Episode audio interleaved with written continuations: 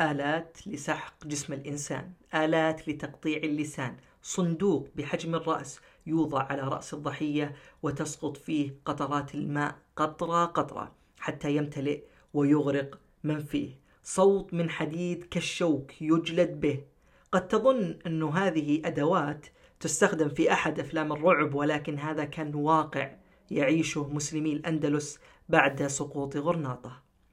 السلام عليكم ورحمة الله وبركاته. أسعد الله أوقاتك عزيزي المستمع بالخير والمسرات. هذا بودكاست اسألوا التاريخ وأنا عبد الرحمن السويل. إذا كانت هذه المرة الأولى لك تستمع هذا البودكاست فيسعدني متابعتك له وتقييمه أيضا. وإذا كنت من أصدقائنا المتابعين فأسعد كثيرا بمشاركتك لهذا البودكاست لكل, لكل من هو مهتم بهذا المحتوى التاريخي وأسعد أكثر بقراءة تعليقاتكم ومقترحاتكم قد تظن عزيزي المستمع أنه مع سقوط غرناطة واستسلام آخر حكامها أبي عبد الله الصغير أنه حكاية الأندلس انتهت وانتهت القصة معها ولكن للأسف هذا لم يحدث.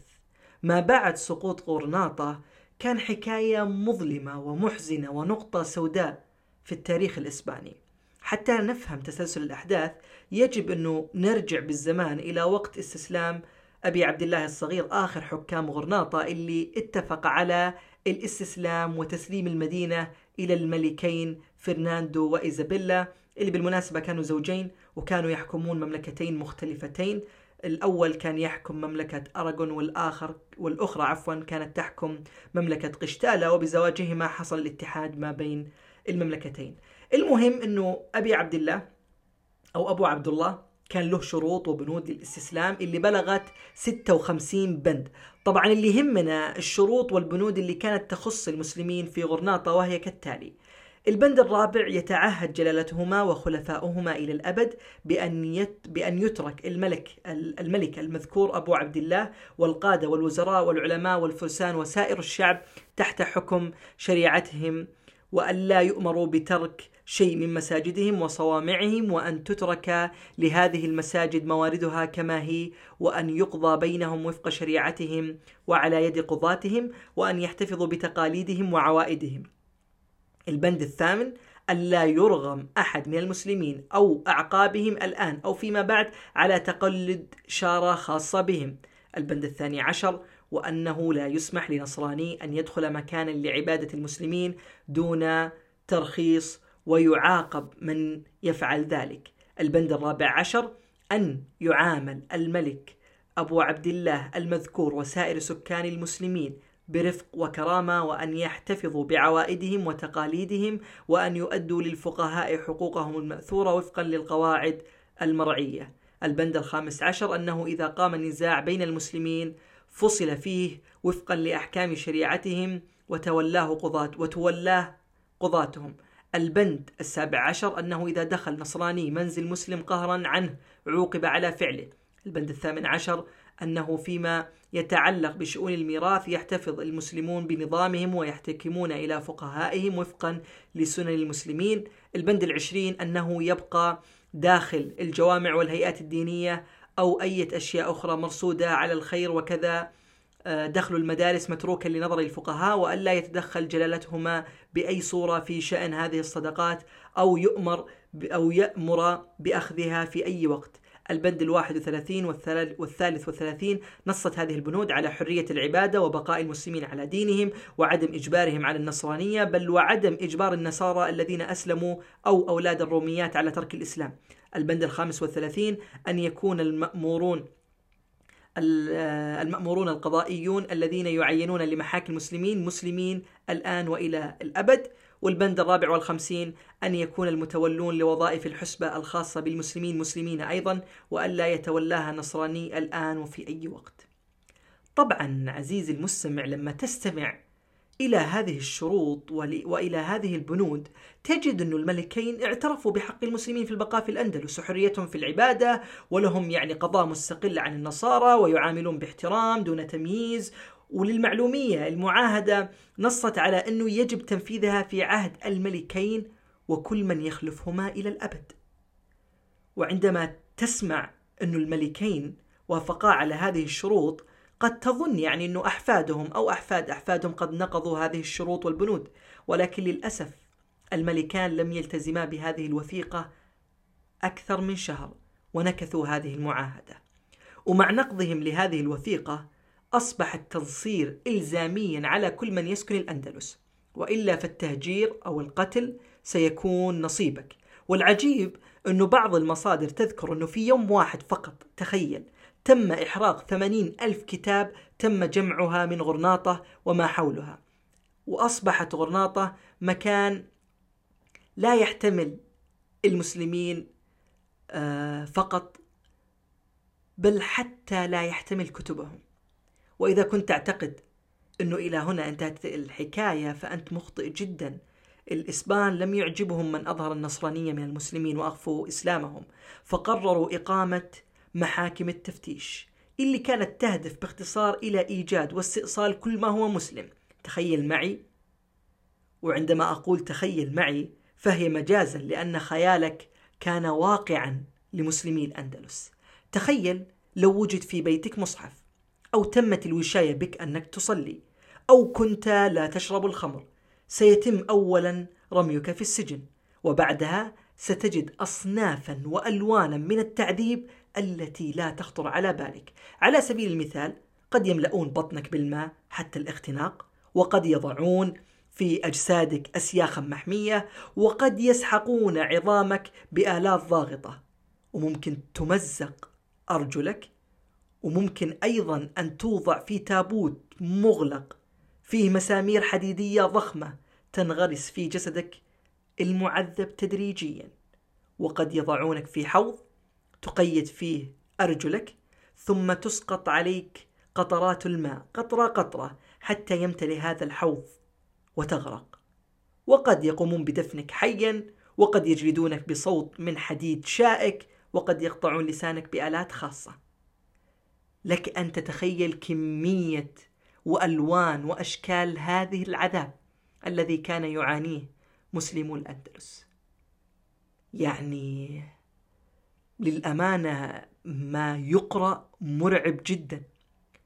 ومن أراد الاستزادة والقراءة يبحث فقط في الكتب اللي تتكلم عن محاكم التفتيش وكيفية تعذيبهم لكل من يعني يعترف أو قد يشكون أنه مسلم. فعلا التاريخ في هذا ال ال الوقت كان مرعب جدا ونقطة سوداء في هذا التاريخ الإسباني. وقد تتساءل أنه كيف تتم يعني معرفة يعني هذه الآلات وطرق التعذيب هذه الفظيعة؟ ولك كامل الحق أنك يعني تتساءل والجواب أنه من اكتشف هذه الآلات وطرق التعذيب المروعة هم جنود نابليون حين فتحوا إسبانيا. وقد صوروا طرق التعذيب هذه في كتبهم وعبروا عن فظاعتها وشناعتها لدرجة أنهم يعني تخيل جنود نابليون لما وجدوا هذه الآلات كيف عبروا؟ قالوا أنهم كانوا يصابون بالغثيان والقي بل وحتى الإغماء من مجرد أنه يتخيلون أنه هذه آلات كان يعذب فيها إنسان وللأسف كان مسلمي الأندلس هم من يعذبون بها وقصة اكتشاف جنود نابليون لمحاكم التفتيش تبدأ عندما أصدر نابليون قرار بإلغاء محاكم التفتيش في إسبانيا أثناء الحرب معها. وطبعا هذا القرار أغضب الرهبان اللي كانوا يشاركون في هذه المحاكم فقرروا الانتقام من الجنود الفرنسيين وتعذيب وقتل كل من تقع أيديهم عليه حتى يعني يجعلوا الرعب يدب في قلوب الفرنسيين ويرحلوا من بلادهم.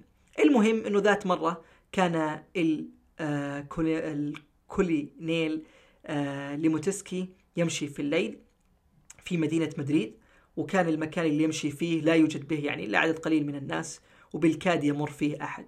وعندما هم بقطع الشارع إذا برجلين اثنين مسلحين يهجمون عليه مباشرة ويحاولون قتله ولكنه قاتلهم بقوة. وفي أثناء يعني قتاله معهم إذا بسرية من الجند الفرنسيين يمرون وكانوا يحملون المصابيح في أيديهم وكانت وظيفتهم باختصار شديد أنه يمرون في الطرق ويجعلون يعني يعني يحاولون الحفاظ على الأمان في العاصمة الإسبانية.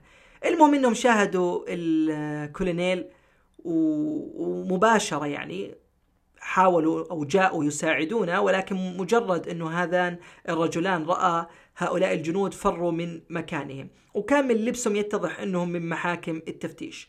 وفي اليوم التالي يعني أخبر الكولونيل ليموتسكي الحاكم العسكري في مدريد بالخبر وهنا غضب الحاكم وقال أنه كان يجب تنفيذ قرار نابليون منذ إصداره وأنه يعتقد أنه اختفاء جنوده كان آه أو عفوا قد يكون لهؤلاء المجرمين سبب ورائه. طبعا ما هو القرار الذي أصدره نابليون؟ سنفهم في نهاية هذه القصة.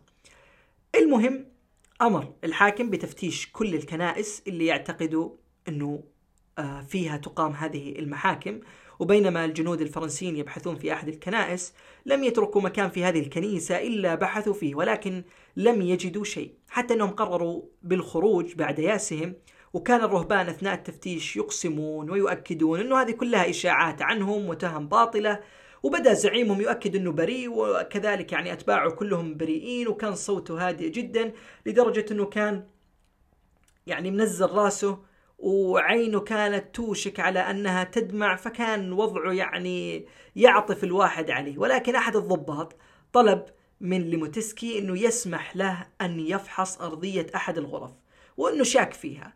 ومجرد ما قال هذه الكلمة فجأة تغيرت نظرة الرهبان وبدأ القلق على وجوههم. المهم طلب هذا الجندي إن يرفعوا السجاجيد آه، طلب عفوا هذا الضابط من الجنود إنهم يرفعوا السجاجيد, السجاجيد الفاخرة عن الأرض وبعدها أمرهم أن يصبوا الماء بكثرة في أرض كل غرفة على حدة وكان يراقب الماء. وفجأة إذا بالأرض ابتلعت كل الماء في إحدى الغرف. من شدة الفرحة صفق هذا الضابط وقال هذا هو الباب وكان الباب يعني قطعة من أرض الغرفة نفس الشكل يفتح بطريقة يعني فيها مكر عجيب بواسطة آه، حلقة صغيرة كانت توضع على جنب رجل مكتب رئيس الكنيسة. المهم أنه الجنود كسروا الباب ببنادقهم يعني الخاصة وعندما كسروا الباب اصفرت وجوه الرهبان. المهم أنه الباب تم فتحه وكان هناك سلم يؤدي إلى باطن الأرض وعند يعني آخر الدرج كان هناك غرفة كبيرة جدا ومرعبة. وهذه الغرفة كانت هي قاعة المحكمة وكان في وسط هذه القاعة عمود من الرخام وفي حلقة حديدية ضخمة جدا وربطت بها سلاسل وكان الفكرة أنه يقيد في هذه السلاسل آه، المحاكمين في هذه المحكمة. وأمام هذا العمود كانت المنصة اللي يجلس عليها رئيس ديوان التفتيش والقضاة لمحاكمة الأبرياء. وبعد هذه القاعة كانت هناك الصدمة غرفة التعذيب. وتمزيق الأجسام البشرية وكانت هذه الغرفة تمتد على مسافات كبيرة تحت الأرض. يقول الكولونيل ليموتسكي رأيت فيها ما يستفز نفسي ويدعوني إلى القشعريرة والتقزز طوال حياتي. رأينا غرفا صغيرة في حجم جسم الإنسان بعضها عامودي وبعضها أفقي فيبقى, فيبقى سجين الغرفة العامودية واقفا على رجليه مدة سجنه حتى يموت ويبقى سجين الغرفة الأفقية ممددا بها حتى الموت. وتبقى الجثث في السجن الضيق حتى تبلى ويتساقط اللحم عن العظم وتأكله الديدان. ولتصرف, ولتصريف الروائح الكريهة المنبعثة من جثث الموتى فتحوا نافذة صغيرة إلى الفضاء الخارجي. وقد عثرنا في هذه الغرفة على هياكل بشرية ما زالت في أغلالها. كان السجناء رجالا ونساء تتراوح أعمارهم ما بين الرابعة عشرة والسبعين وقد استطعنا إنقاذ عدد من السجناء الأحياء وتحطيم أغلالهم وهم في الرمق الأخير من الحياة. كان بعضهم قد أصابه الجنون من كثرة ما صبوا عليه من عذاب وكان السجناء جميعا عرايا حتى اضطر جنودنا إلى أن يخلعوا أرديتهم ويستروا بها بعض السجناء. أخرجنا السجناء إلى النور تدريجيا حتى لا تذهب أبصارهم. كانوا يبكون فرحا وهم يقبلون أيدي الجنود وأرجلهم الذين أنقذوهم من العذاب الرهيب وأعادوهم إلى الحياة. كان مشهدا يبكي الصخور. ثم انتقلنا إلى غرفة أخرى فرأينا فيها ما تقشعر لهوله الأبدان. عثرنا على آلات رهيبة للتعذيب منها آلات لتكسير العظام وسحق الجسم البشري. كانوا يبدأون بسحق عظام الأرجل ثم عظام الصدر والرأس واليدين تدريجيا حتى يهشم الجسم كله ويخرج من الجانب الآخر كتلة من العظام المسحوقة والدماء الممزوجة باللحم المفروم. هكذا كانوا يفعلون بالسجناء الأبرياء المساكين. ثم عثرنا على صندوق في حجم جسم رأس الإنسان تماما.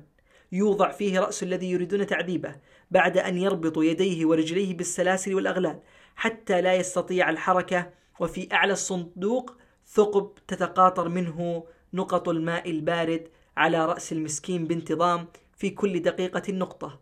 وقد جن الكثيرون من هذا اللون من العذاب ويبقى المعذب على حاله تلك حتى يموت. وآلة أخرى لتعذيب على شكل تابوت تثبت فيها سكاكين حادة كانوا يلقون الشاب المعذب في هذا التابوت ثم يطبقون بابه بسكاكينه وخناجره فإذا أغلق مزق جسم المعذب المسكين وقطع وقطعه إربا إربا. كما عثرنا على آلات كالكلاليب تغرز في لسان المعذب ثم تشد ليخرج اللسان معها ليقص قطعة قطعة. وكلاليب تغرس في أثداء النساء وتسحب بعنف حتى تتقطع الأثداء أو آه، تبتر بالسكاكين. وعثرنا على سياط من الحديد الشائك يضرب به المعذبون وهم عراه حتى تتفتت عظامهم وتتناثر لحومهم. صدمة يعني ما بعدها صدمة وصدمة بما تعنيه الكلمة من معنى. يعني للأمانة مهما كان الحقد والكره بينك وبين أي شخص قد أفهم أنه ممكن يؤدي إلى القتل ممكن يؤدي إلى التعذيب ولكن ليس إلى هذا الحد من التفنن والإبداع والابتكار. يعني قاعدين نتكلم عن أشكال وألوان من التعذيب. يعني هي مش الفكرة فقط أني أنا سأقتلك ولا الفكرة أني أنا سأعذبك لا. الفكرة أنه أنا كيف أتفنن وأبدع في تعذيبك. أشكال وألوان يعني يعني اللي ذكرناه اليوم ما أدري صراحة والله وش أقول يعني لكن لك أن تتخيل وش هالكره والحقد اللي كان في قلوبهم. إلى درجة يعني تصل فيك إنك تتفنن في طرق التعذيب. ستة سبعة ثمان عشر طرق تختار وش اللي يعجبك منها حتى تعذب هذا. وليش تعذبه فقط لأنه مسلم؟ يعني وين التعايش؟ وين فهم الآخر؟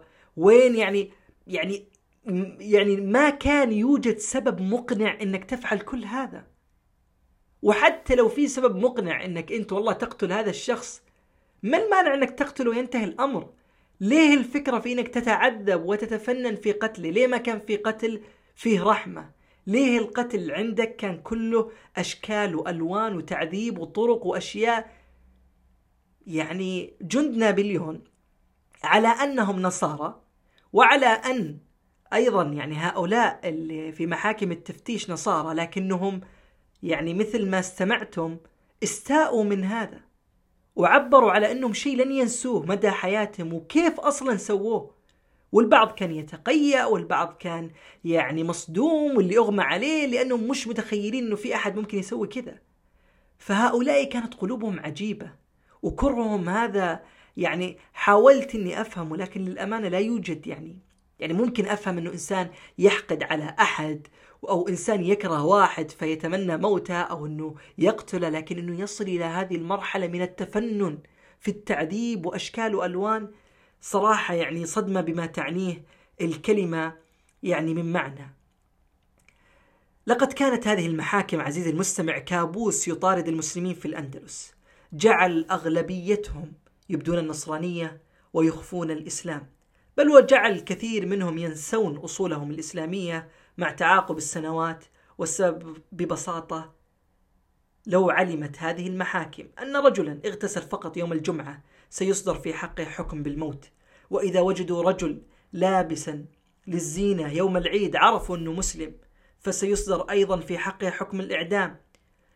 يعني وصل فيهم الحقد والكره لدرجة أنهم كانوا إذا شكوا في واحد يكشفون عورته ويرون إذا وجدوه مختونا مباشرة يذهب به إلى السجن وتكون هذه نهايته ونهاية كل من معه وأسرته. والمضحك في هذه المحاكم أن دستورها يعني يسمح بمحاكمة الموتى والغائبين. تخيل معي يعني تصدر الأحكام في حق الموتى والغائبين وتوقع أيضا عليهم العقوبات مثلهم مثل الأحياء. فممكن أنه يؤخذ مالهم وبعضهم يعمل لهم تماثيل فتنفذ فيها على العقوبة حقتهم بالحرق أو ممكن ينبش قبره وتستخرج يعني رفاته وتحرق. ويعني لك أن تتخيل أنه حتى هذه الأحكام ممكن أنها تصل يعني إلى أسرته. وإلى أولاده اللي ما لهم دخل ولكن لأنه هو كان مسلم أو أظهر أي حاجة أيضا أبناؤه وأسرته وأولاده سيقع عليهم العقوبة. فممكن يعني آه، يحرمون من وظائف اللي العامة اللي الناس يأخذونها وتخصص لهم وظائف يعني ومهن يعني خاصة فيهم ويعرفون بها عن غيرهم. والمؤلم حقا أن المسلمين عند فتحهم للأندلس لم يعاملوا يعني أهلها بمثل هذه المعاملة بالعكس كان لهم الاحترام والتقدير والتاريخ للأمانة مليء مليء جدا بكيفية تعامل المسلمين مع أهل الأندلس يعني فيها. وتستطيع أنك تقرأ الكثير من الكتب وتشاهد التاريخ والأمثلة يعني جدا جدا كثيرة قد يعني لا يتسع المجال أن نستحضرها كلها. المهم بعد أربعة قرون من الظلم والقهر والعجز انتهت هذه الحقبة المؤلمة وهذه الحقبة المخيفة في التاريخ حقبة محاكم التفتيش الإسبانية بقرار من نابليون آه، في وقتها يقضي بإلغاء هذه المحاكم. انتهت تلك المحاكم وقد تنسى مع مرور الأيام والسنين في التاريخ ولكن ألمها وحرقتها يستحال أن ينسى لكل من عاشرها واكتوى بلهيبها إلى هنا تنتهي حلقتنا لهذا الأسبوع. ألقاكم في الأسبوع القادم. كونوا بخير. في أمان الله.